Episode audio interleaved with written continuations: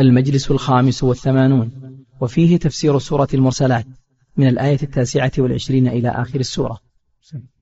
أعوذ بالله من الشيطان الرجيم. انطلقوا إلى ما كنتم به تكذبون. انطلقوا إلى ظل ذي ثلاث شعب لا ظليل ولا يغني من اللهب. إنها ترمي بشرر كالقصر كأنه جمالة صف ويل يومئذ للمكذبين. هذا يوم لا ينطقون ولا يؤذن لهم فيعتذرون ويل يومئذ للمكذبين. هذا يوم الفصل جمعناكم والأولين. فإن كان لكم كيد فكيدون. ويل يومئذ للمكذبين. إن المتقين في ظلال وعيون وفواكه مما يشتهون كلوا واشربوا هنيئا بما كنتم تعملون إنا كذلك نجزي المحسنين ويل يومئذ للمكذبين. كلوا وتمتعوا قليلا إنكم مجرمون. ويل يومئذ للمكذبين. وإذا قيل لهم اركعوا لا يركعون. ويل يومئذ للمكذبين. فبأي حديث بعده يؤمنون؟ بسم الله الرحمن الرحيم. الحمد لله رب العالمين. صلى الله وسلم على نبينا محمد وعلى آله وأصحابه أجمعين. قال الله سبحانه وتعالى انطلقوا إلى ما كنتم به تكذبون. يقال يوم القيامة للمكذبين ليوم البعث والمكذبين بالعذاب والنكال يقال لهم انطلقوا اذهبوا إلى ما كنتم به تكذبون في الدنيا فقد واجهتموه مواجهة لا محيد لكم عنه. انطلقوا هذا من أمر التهديد والوعيد إلى ما كنتم به تكذبون. اذهبوا إليه. اذهبوا إليه منطلقين. تساقون إليه. لا مفر لكم عنه. انطلقوا إلى ظل. ظل الدخان والعياذ بالله. ظل دخان النار. ذي ثلاث شعب.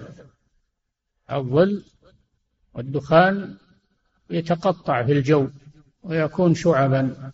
وهو دخان جهنم والعياذ بالله إلى ظل ذي ثلاث شعب. لا ظليل لا يظل من الشمس والحر حر النار فهو ظل غير ظليل لأن الظل على قسمين ظل ظليل وندخلهم ظلا ظليلا أهل الجنة وظل غير ظليل حار وهو ظل الدخان والنار يوم القيامة.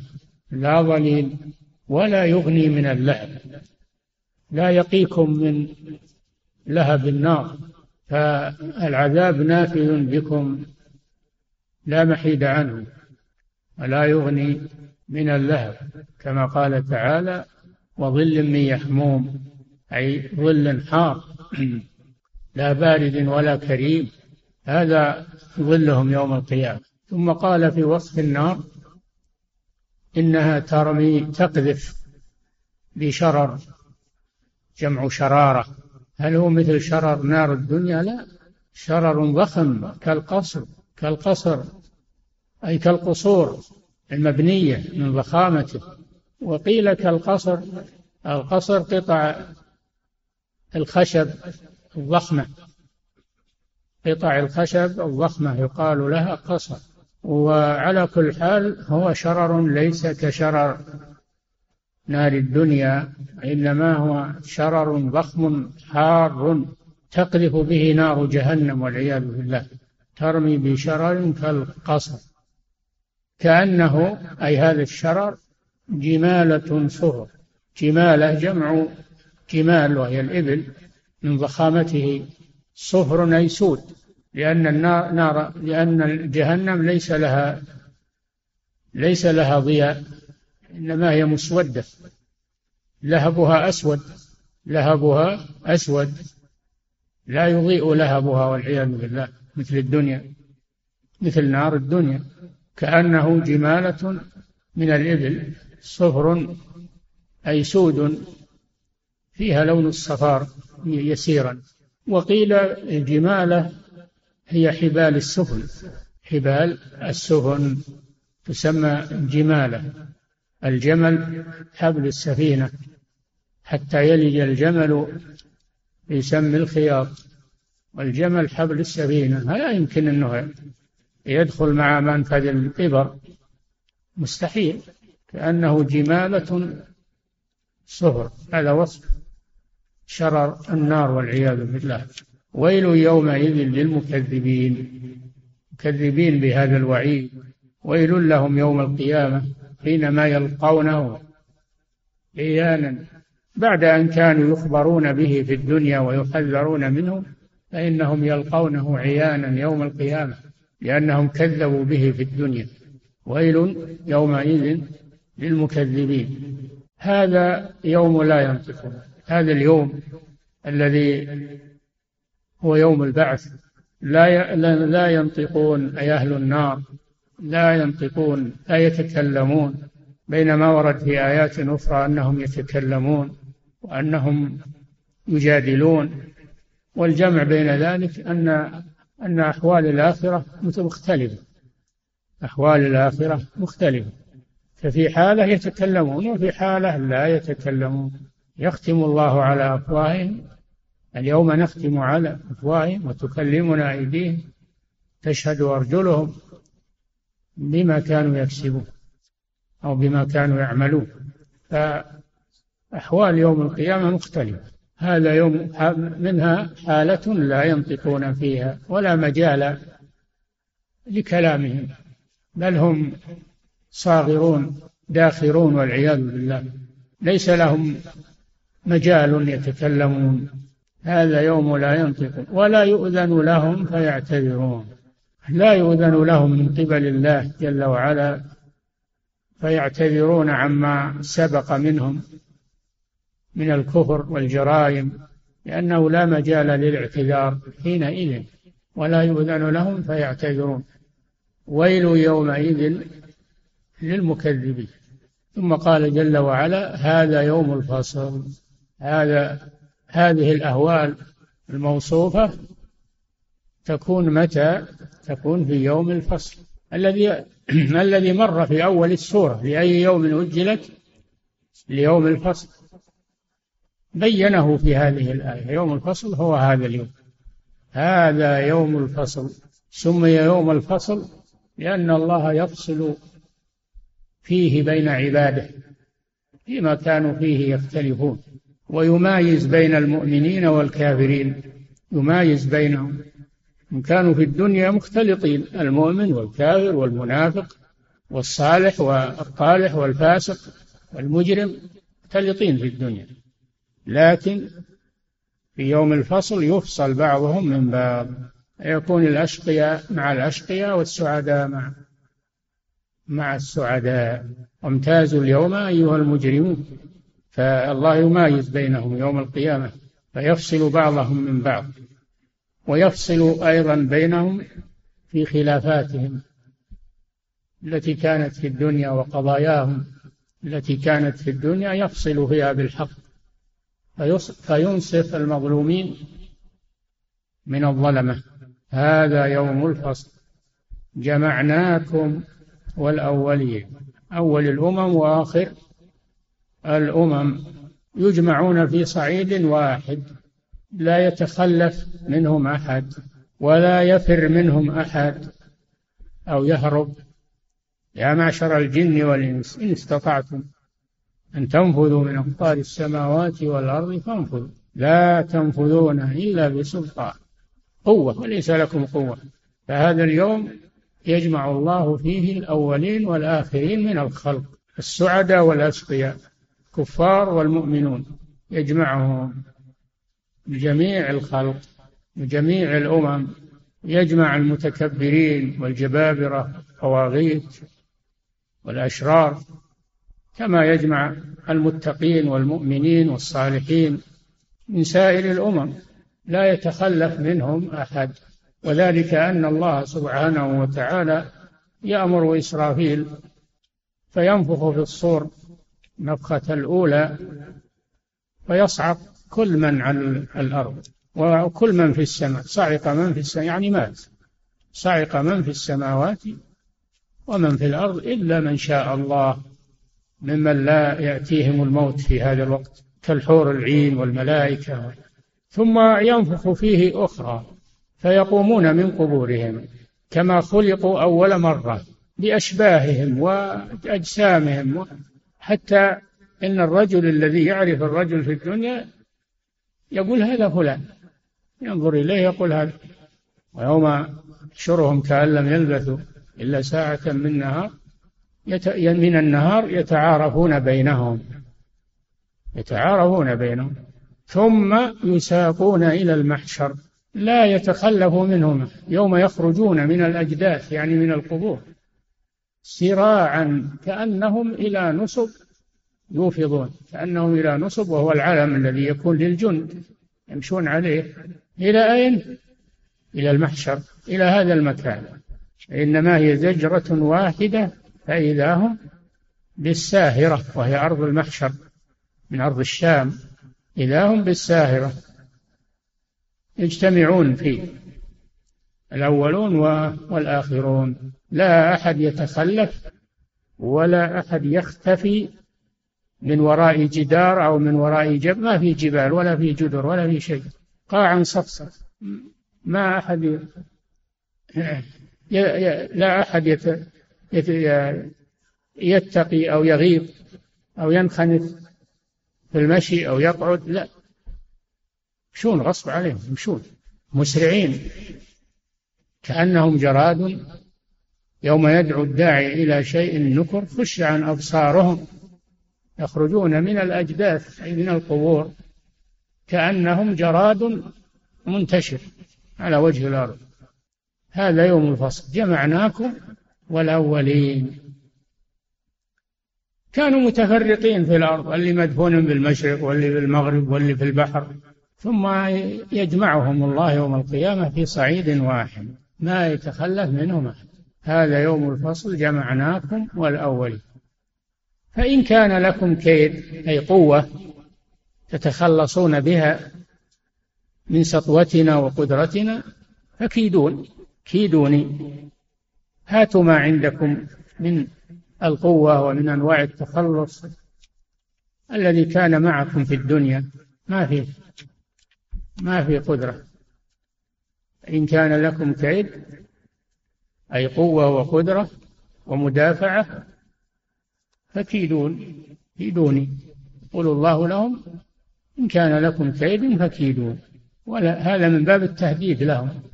إن كان لكم كيد فكيدون. ويل يومئذ. أي في هذا اليوم للمكذبين تكررت هذه الآية في هذه السورة بعد كل نوع من أنواع الوعيد لمن كذب بذلك. ثم بين جزاء المتقين. لما ذكر وعيد الكافرين ذكر جزاء المتقين الذين اتقوا ربهم فعملوا بطاعته وأدوا فرائضه واجتنبوا محارمه وقدموا لأنفسهم واستعدوا لهذا اليوم الذين اتخذوا وقاية المتقين الذين اتخذوا وقاية من طاعة الله في هذا اليوم يلقون ما عملوا في هذا اليوم. إن المتقين في هذا اليوم اليوم اللي فيه الحر و وفيه آه السموم وفيه الجوع والعطش وفيه وفيه متقون ما يحسون بشيء في هذا اليوم. إن المتقين في ظلال في ظلال ظلال الجنة ما يحسون بحر ولا سعير ولا دخان ولا في ظلال وليس ظلال فقط وعيون. في ظلال وعيون تجري أنهار تجري بالأشربة وبالماء الطيب والعسل واللبن والرحيق المختوم غير ذلك من الأشربة. في ظلال وعيون. بينما الخلائق عطشا جوعا والعياذ بالله في ظلال وعيون. ثالثا فواكه مما يشتهون. فواكه فواكه الجنة. يأكلون. ذكر شرابهم وذكر طعامهم. فواكه من الطعام والفواكه التي لا يعلمها إلا الله سبحانه وتعالى. وفواكه مما يشتهون. يشتهون. يجدون لها شهوة لذة. لأن ليس فيهم مرض وليس فيهم هم ولا خوف. فهم يتلذذون بهذه الفواكه.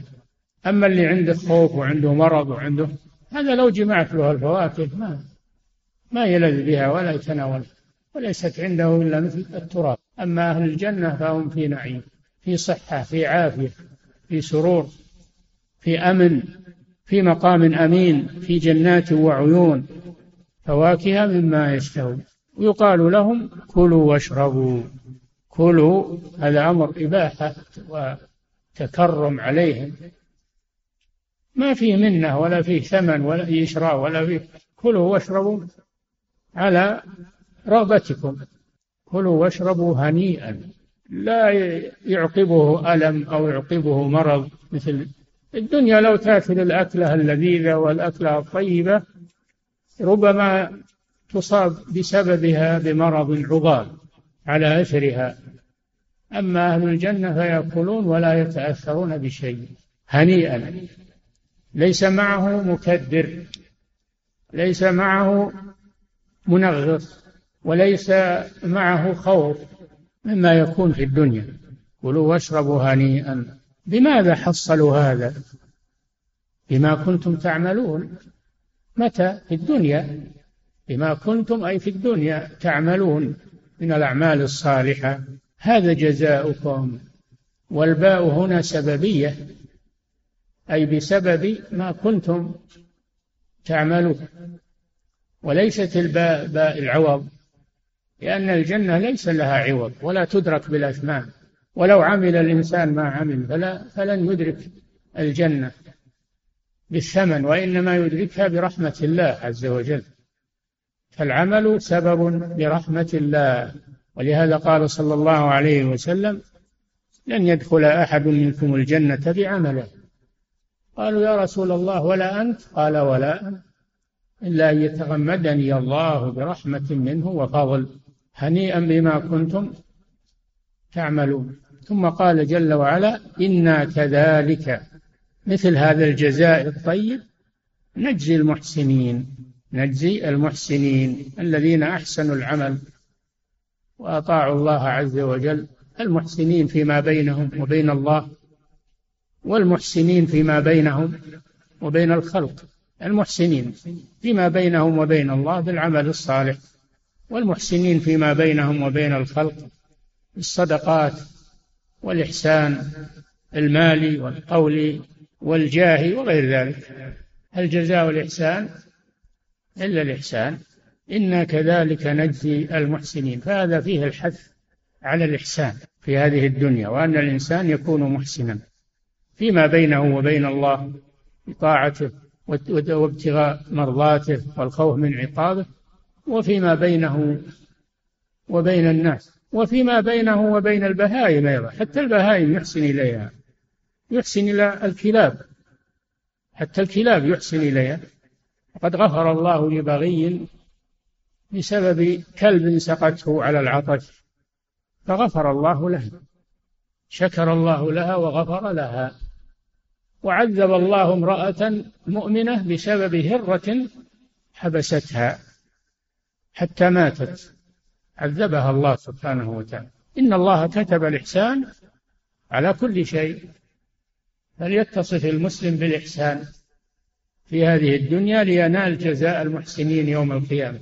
كما قال تعالى في سورة الطور لما ذكر أهل الجنة قال إنهم كانوا قبل ذلك محسنين. إنهم كانوا قبل ذلك في سورة الذاريات. إنهم كانوا قبل ذلك محسنين. كانوا قليلا من الليل ما يهجعون في الأسحار هم يستغفرون وفي أموالهم حق للسائل والمحروم. كانوا قبل ذلك يعني في الدنيا. كانوا محسنين. فنالوا هذه الجنة والكرامة. وأهل الجنة أيضا يقولون إنا. إنا كنا قبل في أهلنا مشفقين. كنا قبل يعني في الدنيا. أقبل بعضهم على بعض يتساءلون. في الجنة. قالوا إنا كنا قبل ذلك آه، قالوا إنا كنا قبل ذلك إنا كنا في أهلنا يعني في الدنيا. إنا كنا في أهلنا يعني في الدنيا مشفقين يعني خائفين من عذاب الله. ما يأمنون من عذاب الله فاستعدوا له بما يقيهم منه. ذكروا السبب الذي نالوا به هذه الكرامة. إنا كنا في أهلنا مشفقين. فمن الله علينا ووقانا عذاب السموم. إنا كنا من قبل ندعوه. يدعون الله سبحانه وتعالى. إنه هو البر الرحيم. وهنا يقول ادخلوا الجنة بما كنتم تعملون. إنا كذلك. أي مثل هذا الجزاء. نجي كل محسن. إنا كذلك نجزي المحسنين. ويل يومئذ للمكذبين الذين يكذبون بالجنة والنار والجزاء. يكذبون بذلك يقولون خرافات تقاليد هذه خرافات وتقاليد وليس لها أصل هكذا يقولون قديما وحديثا. إنا كذلك نجزي المحسنين ويل يومئذ للمكذبين بهذا. في من يكذب بالجنة يكذب بالنار يكذب بالبعث يكذب بالجزاء ويقولون هذه مجرد خرافات ومجرد أساطير تقاليد بالية ما أشبه ذلك. إنا كذلك نجزي المحسنين ويل يومئذ للمكذبين. ثم إن الله جل وعلا التفت في الخطاب إلى الكفار المخاطبين في الدنيا وقت نزول القرآن فقال لهم كلوا وتمتعوا. كلوا أيها الكفار في الدنيا وتمتعوا بكفركم فإن هذا لا يغنيكم شيئا وستندمون. أما قليل كلوا وتمتعوا قليلا لأن الدنيا متاع قليل.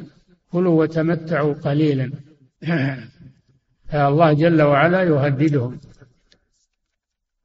إنكم مجرمون كما قال جل وعلا والذين كفروا يتمتعون ويأكلون كما تأكل الأنعام والنار مثوى لهم. قل تمتعوا فإن مصيركم إلى النار. وهذا من باب التحذير لهم من باب التحذير لهم أن لا يستمروا على طغيانهم وكفرهم وغفلتهم بل, بل عليهم أن يتنبهوا ويستعدوا لما هم قادمون عليه عما قريب. كلوا وتمتعوا قليلا في الدنيا. إنكم مجرمون. هذا السبب.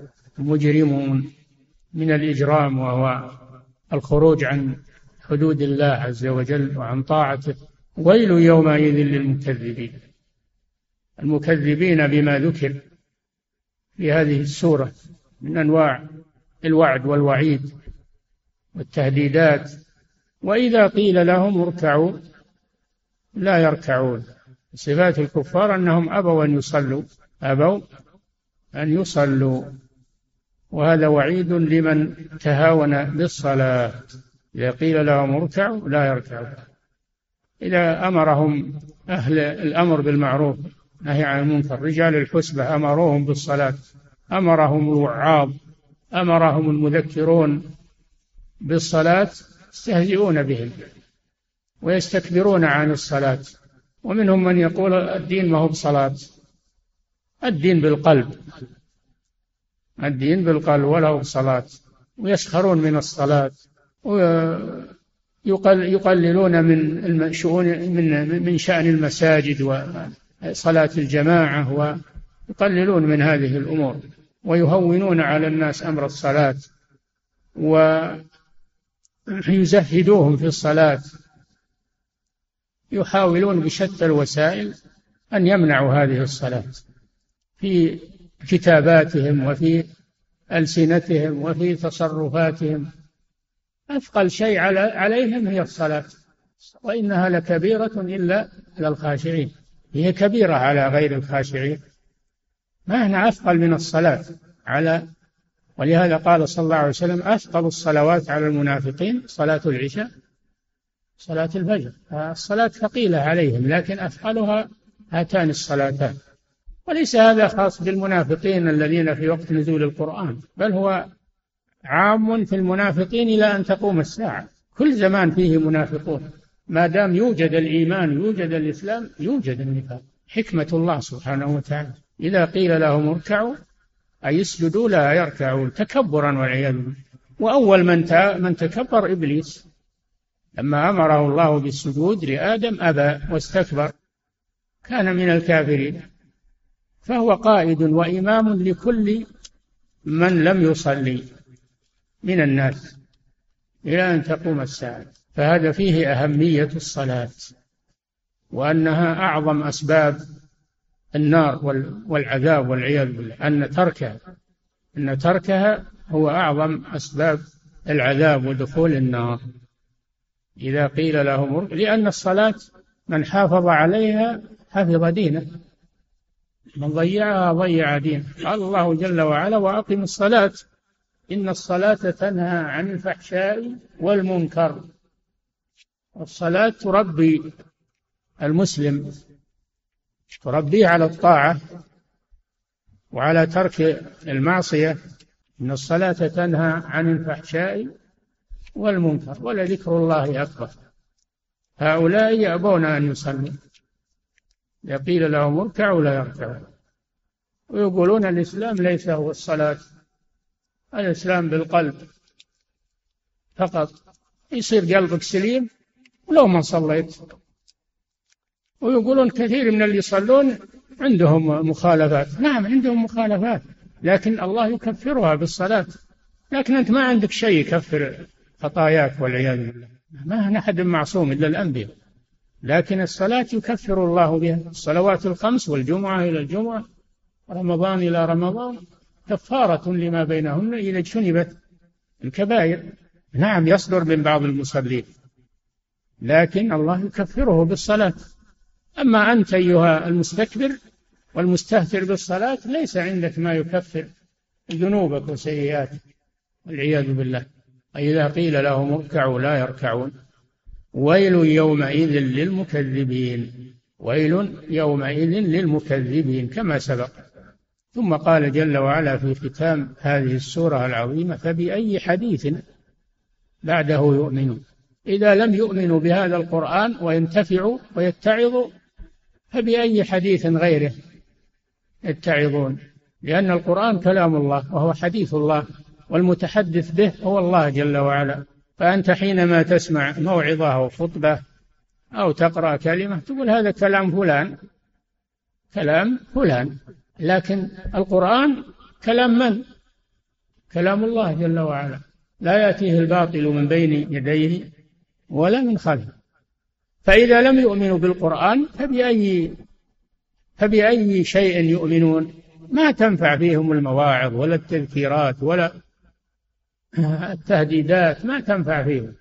إذا لم ينفعهم الله بالقرآن فلن ينتفعوا بغيره أبدا. فهذا فيه الحث على تدبر القرآن والإيمان به والعمل به وأنه طريق النجاة حبل الله المتين. والصراط المستقيم. هذا القرآن وسنة المصطفى صلى الله عليه وسلم بعد القرآن لأنها وحي من الله عز وجل. آه لا هداية لا هداية للبشر إلا بهذا القرآن وسنة الرسول صلى الله عليه وسلم. وأما ما عداها مهما حدثت مهما تكلمت مهما وعظت فلن يؤثر هذا في قلوب البشر والجاحدين والمستكبرين. فمن لم يتعظ بالقرآن لم يتعظ بغيره. ومن لم ينتفع بالقرآن لم ينتفع بغيره أبدا. بأي حديث بعده أي غير القرآن يؤمنون. فهذه سورة عظيمة فيها وعيد وتهديد وفيها وعد من الله للمتقين وفيها بيان مصير الخلائق يوم القيامة كأنك تشاهدها لأنه لا مجال للتردد لأنه كلام رب العالمين لا مجال للتردد فيما ذكره الله فيه أنه حق يقين لا يتخلف ولا يتغير ولا يتبدل أبدا. ولهذا كان صلى الله عليه وسلم يقول في خطبه إن خير الحديث كتاب الله. وخير الهدي هدي محمد صلى الله عليه وسلم. شر الأمور محدثاتها. خير الحديث كتاب الله عز وجل. فبأي حديث بعده يؤمنون؟ فهذا فيه التنويه بشأن القرآن وتعظيم هذا القرآن.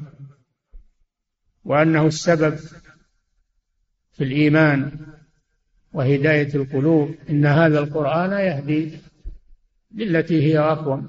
ويبشر المؤمنين الذين يعملون الصالحات أن لهم أجرا كبيرا وأن الذين لا يؤمنون بالآخرة أعتدنا لهم عذابا أليما الله نزل أحسن الحديث. القرآن هو أحسن الحديث. وهو أصدق القيل. ومن أصدق من الله قيلا أصدق القيل وأحسن الحديث وأنفع الحديث وأنفع الوعظ والتذكير. هو القرآن العظيم. لمن وفقه الله سبحانه وتعالى.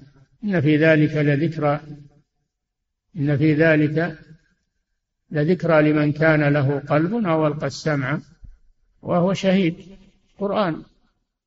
القرآن العظيم. هذه النعمة العظيمة التي بين أيدينا. نعمة القرآن العظيم. أبقاه الله حجة. حجة للمؤمنين وحجة على الجاحدين. فهذا القرآن من لم يهتدي به ولم يتعظ به ولم ينتفع به فلن ينتفع بغيره أبدا مهما كان.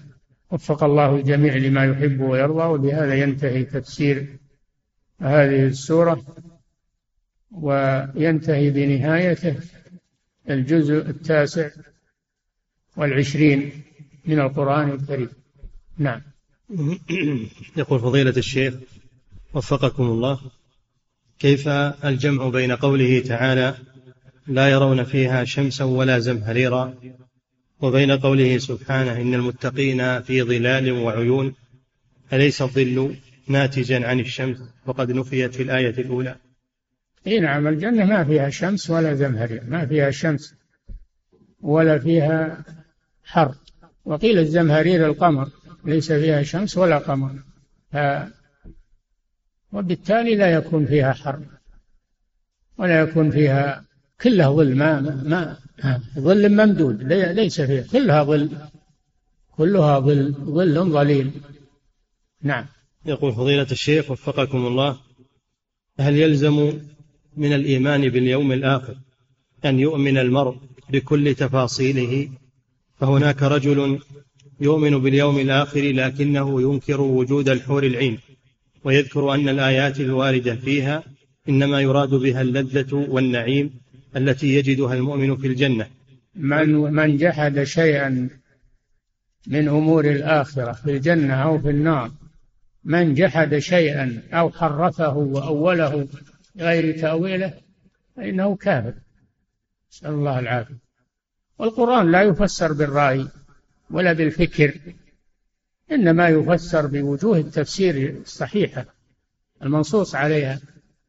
فسر القرآن بالقرآن أو يفسر بالسنة أو يفسر بتفسير الصحابة أو بتفسير التابعين أو باللغة التي نزل بها. ولا يفسر بالفكر أو يفسر بالرأي. من قال في القرآن برأيه وبما لا يعلم فليتبوى مقعده من النار. وأخطأ ولو أصاب. فلا يفسر القرآن إلا بطرق التفسير المعروفة. ما كل يفسر القرآن على هواه وعلى فهمه وعلى وأعظم من هذا إذا جحد بعض ما في القرآن وأنكره وأوله بغير معنى وقال على الله بغير علم. نعم. يقول فضيلة الشيخ وفقكم الله إذا نفخ في الصور وحشر الناس يوم القيامة فهل تكون خلقتهم وأعمارهم على الخلقة والأعمال التي ماتوا عليها أم يكونون على غيرها كأن يكونوا أصغر سنا؟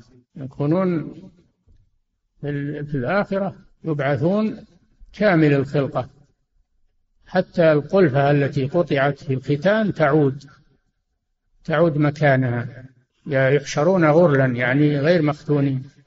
فيعيد الله الخلق كما بدأه لا ينقص منه شيئا. بل قادرين على أن نسوي بنانه فيعيده الله كما كان.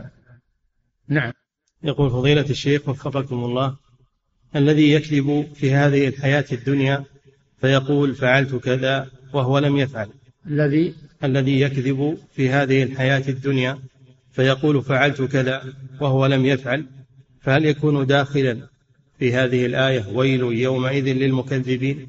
هذا ما يقال له مكذب هذا يقال له كاذب اللي يقول كلاما ليس له أصل هذا كاذب ما يقال مكذب. مكذب الذي يكذب بشيء من الأخبار الصحيح. نعم. في فرق بين الكاذب والمكذب. نعم. يقول فضيلة الشيخ وفقكم الله كيف نقتدي بالصحابة رضوان الله عليهم الذين كانوا لا يتجاوزون العشر آيات إلا بعد أن يحفظوها ويعملوا بها؟ كيف إيش؟ نقتدي بالصحابة رضوان الله عليهم. اعمل مثل عملهم. احفظ الآيات ثم اعرف معناها تفسيرها على الوجه الصحيح ثم اعمل بها كما كان الصحابة رضي الله عنهم. نعم. يقول فضيلة الشيخ وفقكم الله ذكرتم حفظكم الله في تفسير قوله سبحانه فإن كان إن كان لكم فإن كان لكم كيد فكيدون. لأن المراد القوة والمدافعة. فهل معنى الكيد هو المعنى نفسه في الآية؟ إنهم يكيدون كيدا وأكيد كيدا. كيد يختلف. الكيد يختلف في الدنيا ويختلف في الآخرة. والله يت... الله جل وعلا يعجزهم. يقول إن كان لكم كيد تتخلصون به من هذا اليوم فأتوا به. ما لهم كيد ولا قوة ولا حول ولا قوة. مستسلمون داخرون والعياذ بالله إلا من رحم الله عز وجل. الكيد يختلف. نعم. يقول فضيلة الشيخ وفقكم الله ذكرتم حفظكم الله أن وإنهم يكيدون كيدا وأكيد كيدا هذا في الدنيا. هذا في الدنيا. نعم. يقول ذكرتم حفظكم الله في الدرس أنه إذا نفخ في الصور مرة ثانية فإنه يجمع الناس إلى أرض المحشر. فأين تقع هذه الأرض؟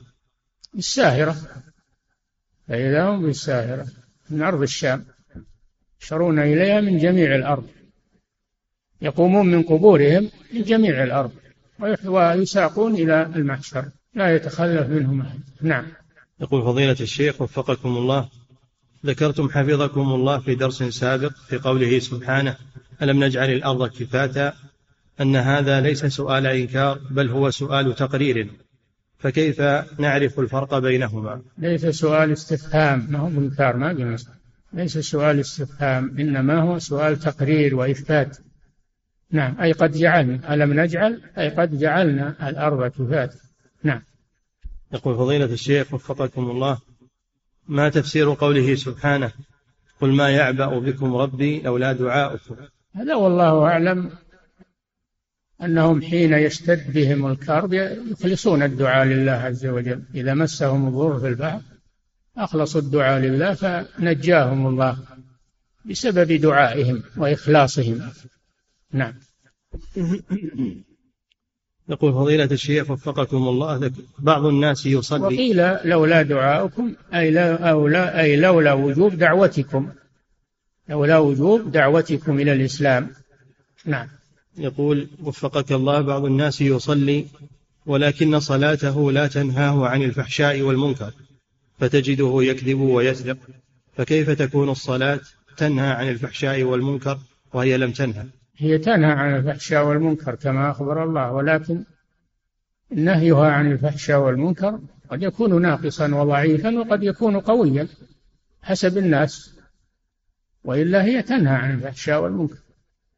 لكن إذا حصل شيء من الفحشاء والمنكر من المصلي فهذا دليل على أن صلاته فيها خلل. فيها خلل. نعم. وفيها نقص. نعم.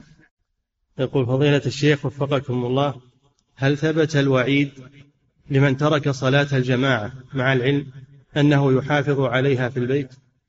نعم. هي وعيد شديد. في وعيد شديد على من تخلف عن صلاة الجماعة من غير عذر. قال صلى الله عليه وسلم من سمع النداء فلم ياته فلا صلاة له إلا من عذر. قيل وما العذر؟ قال خوف أو مرض خوف أو مرض. والصلاة في البيت من غير عذر من صفات المنافقين من صفات المنافقين والعياذ بالله. ولهذا قال صلى الله عليه وسلم أثقل الصلوات على المنافقين صلاة العشاء. صلاة الفجر. دل على أنها كلها ثقيلة ولكن أثقلها هاتان الفريضتان. لأنهما يوافقان راحة الناس. وأيضا هما في الليل ولا يراهم أحد إذا تخلفوا من الظلام. بالنهار يجون لأنهم يشافون. وهم يراؤون الناس. قال تعالى وإذا قاموا إلى الصلاة قاموا كسالى يراؤون الناس.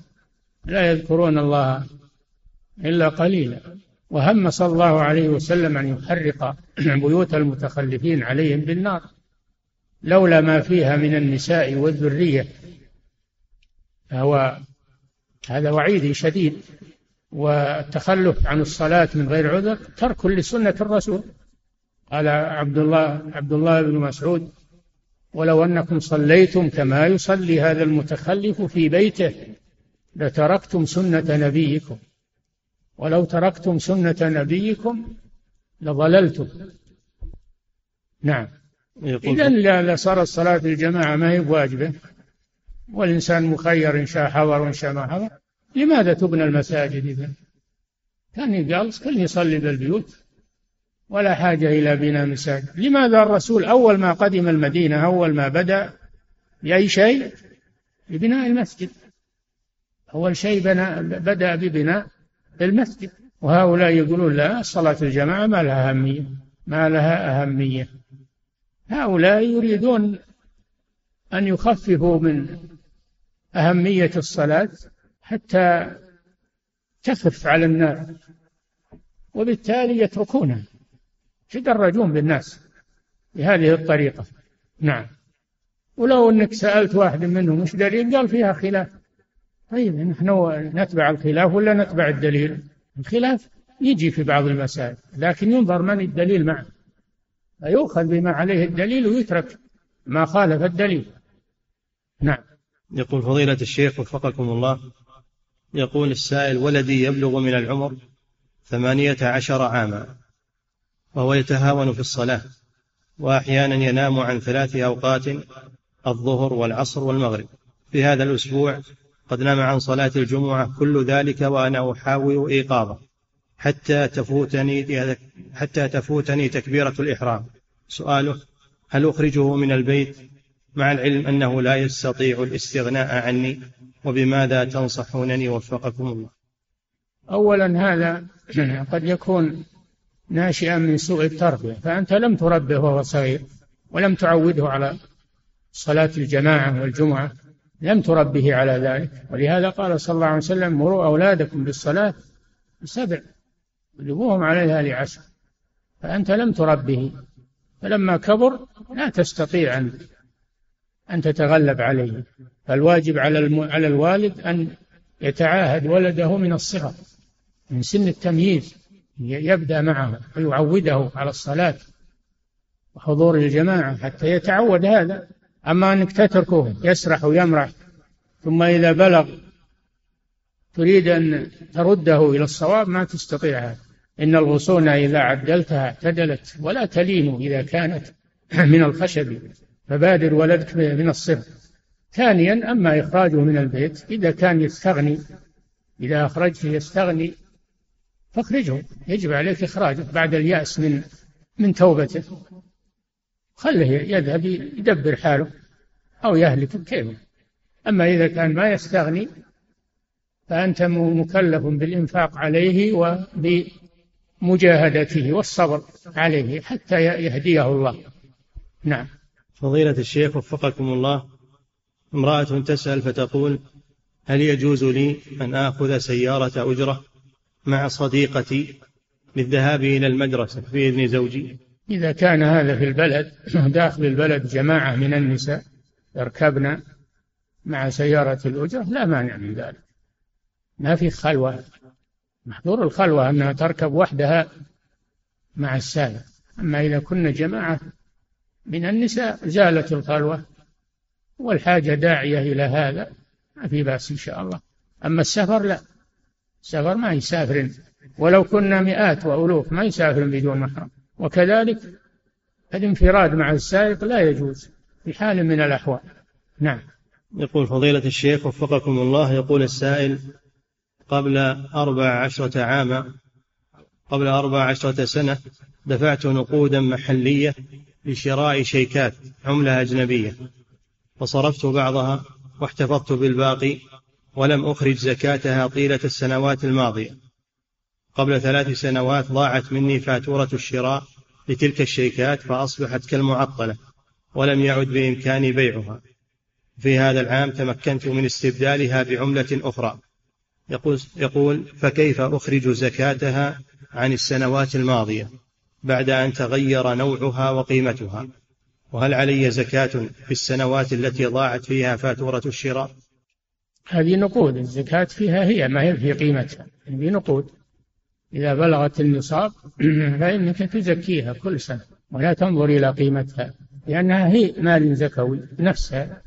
إنما الذي ينظر إلى قيمته هو العروض السلع. وهذه ليست عروضا هذه نقود. فتزكى زكاة النقود من زكاة العملة عن كل سنة ربع العشر. نعم. يقول فضيلة الشيخ وفقكم الله.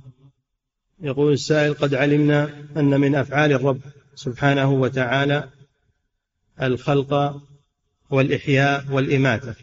قال سبحانه ولئن سألتهم من خلق السماوات والأرض ليقولن الله. قل كيف نجمع بين هذه الآية والآية التي فيها وإذ تخلق من الطين كهيئة الطير؟ مع أن الخلق من أفعال الرب وقد الله الله أقدر أقدر عيسى على هذا معجزا هذا من باب المعجزات. التي لا تحصل إلا للأنبياء. فالله هو الخالق وأقدر عيسى على ذلك من باب المعجزة. نعم. يقول فضيلة الشيخ وفقكم الله ما حكم الزواج؟ وعيسى لم يستقل بالخلق وإنما يقول بإذني بإذن وإذ تخرج الموتى بإذني فتنفخ فيها فتكون طيرا بإذني. كله راجع إلى الله سبحانه وتعالى. نعم. يقول السائل ما حكم زواجي بزوجة ثانية؟ لأن زوجتي الأولى مريضة وأمي تغضب إذا تزوجت بثانية فهل يجوز لي ذلك؟ الزواج يجوز لك الزواج بثانية وهو ما حله الله لك لكن أيضا تقنع والدتك تأتيها بالطريق التي هي أحسن ولا تشادها وتنازعها أقنعها بسهولة وبلطف. نعم فحاول معها. نعم. يقول فضيلة الشيخ وفقكم الله من كان مريضا بمرض الفشل الكلوي فيصوم رمضان فيصوم بعض أيام رمضان فأيام الغسيل يفطر بسبب الغسيل سؤال نعم. هل, هل يجب نعم. عليه إيش؟ يقول من كان مريضا بمرض الفشل الكلوي نعم فيصوم بعض أيام رمضان دون بعض حيث إنه يفطر في أيام الغسيل نعم. غسيل فهل يجب عليه قضاء هذه الأيام التي أفطرها أم أنه يفدي مباشرة؟ أم أنه يفدي يقول يخرج طعاما ويكفي ذلك دون قضاء. لا ما, ما يكفي القضاء لا بد منه إذا كان يستطيع ولو تأخر ولو تأخر القضاء. أيوة يؤخرها إلى الأيام التي يقدر فيها على الصيام.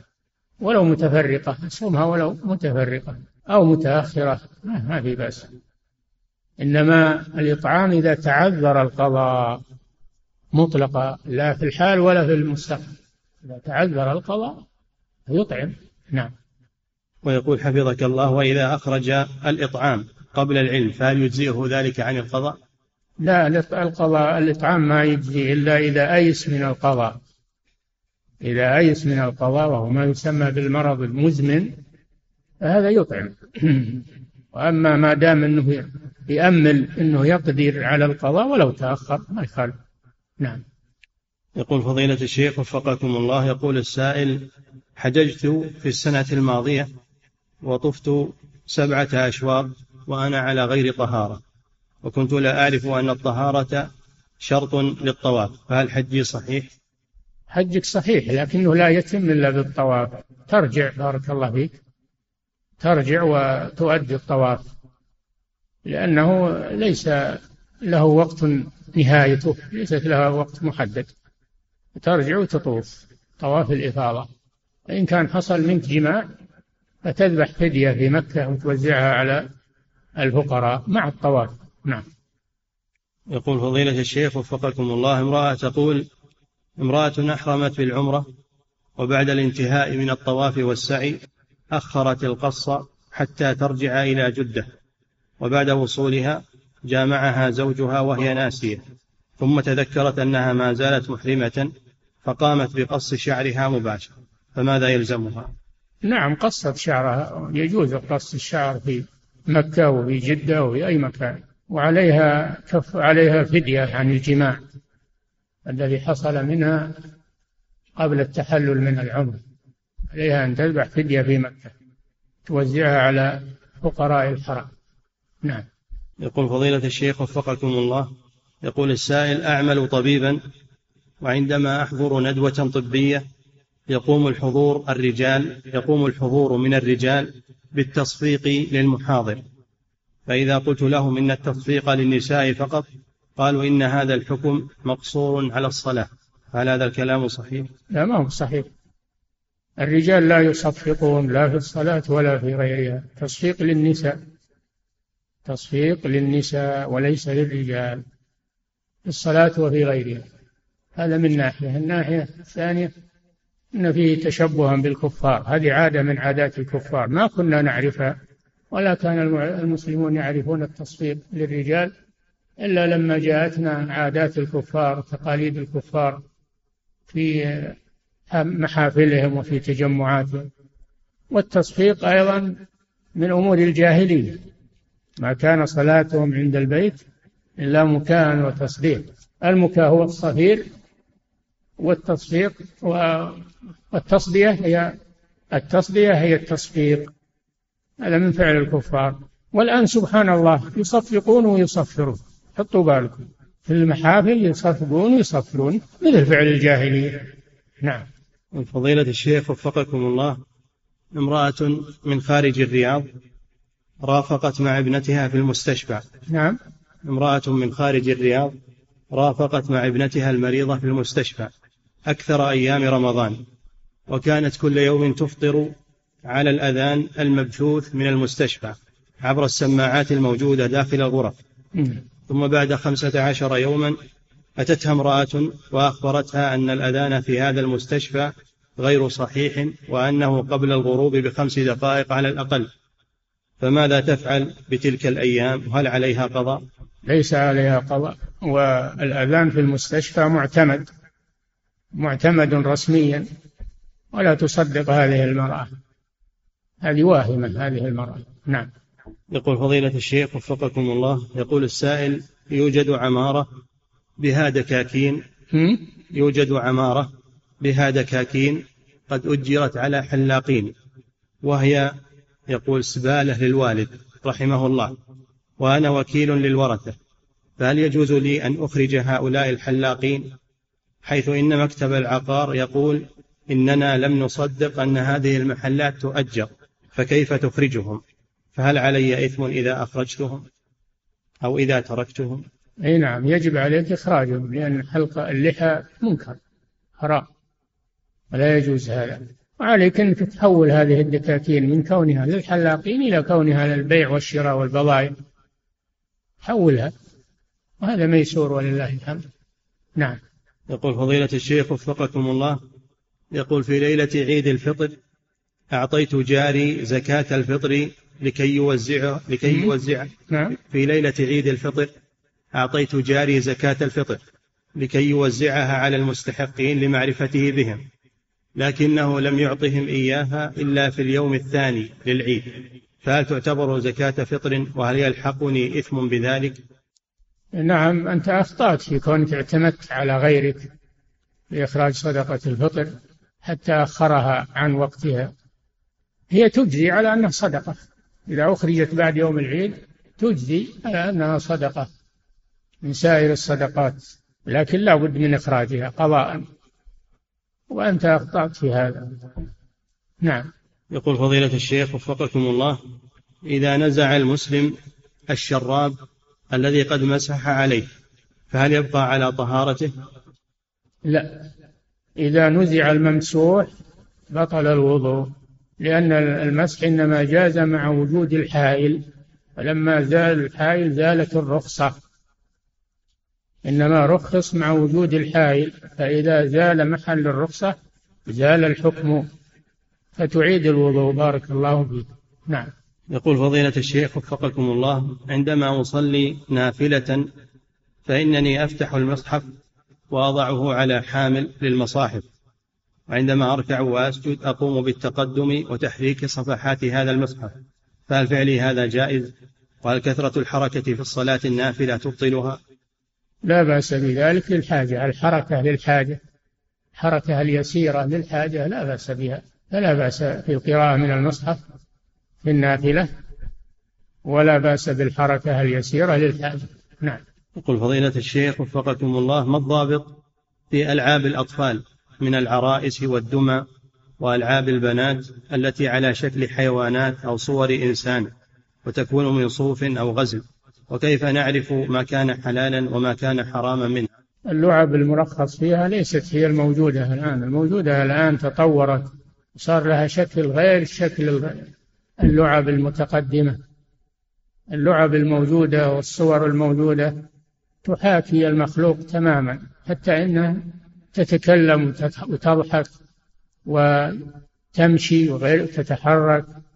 تغيرت. لا يجوز أن يعود الأطفال على هذه اللعب المصورة المجسمة بهذا الشكل وهناك لعب كثيرة ليس فيها تصوير لعب سيارات لعب آه، أشياء أخرى معدات أو غير ذلك غير ما فيه روح.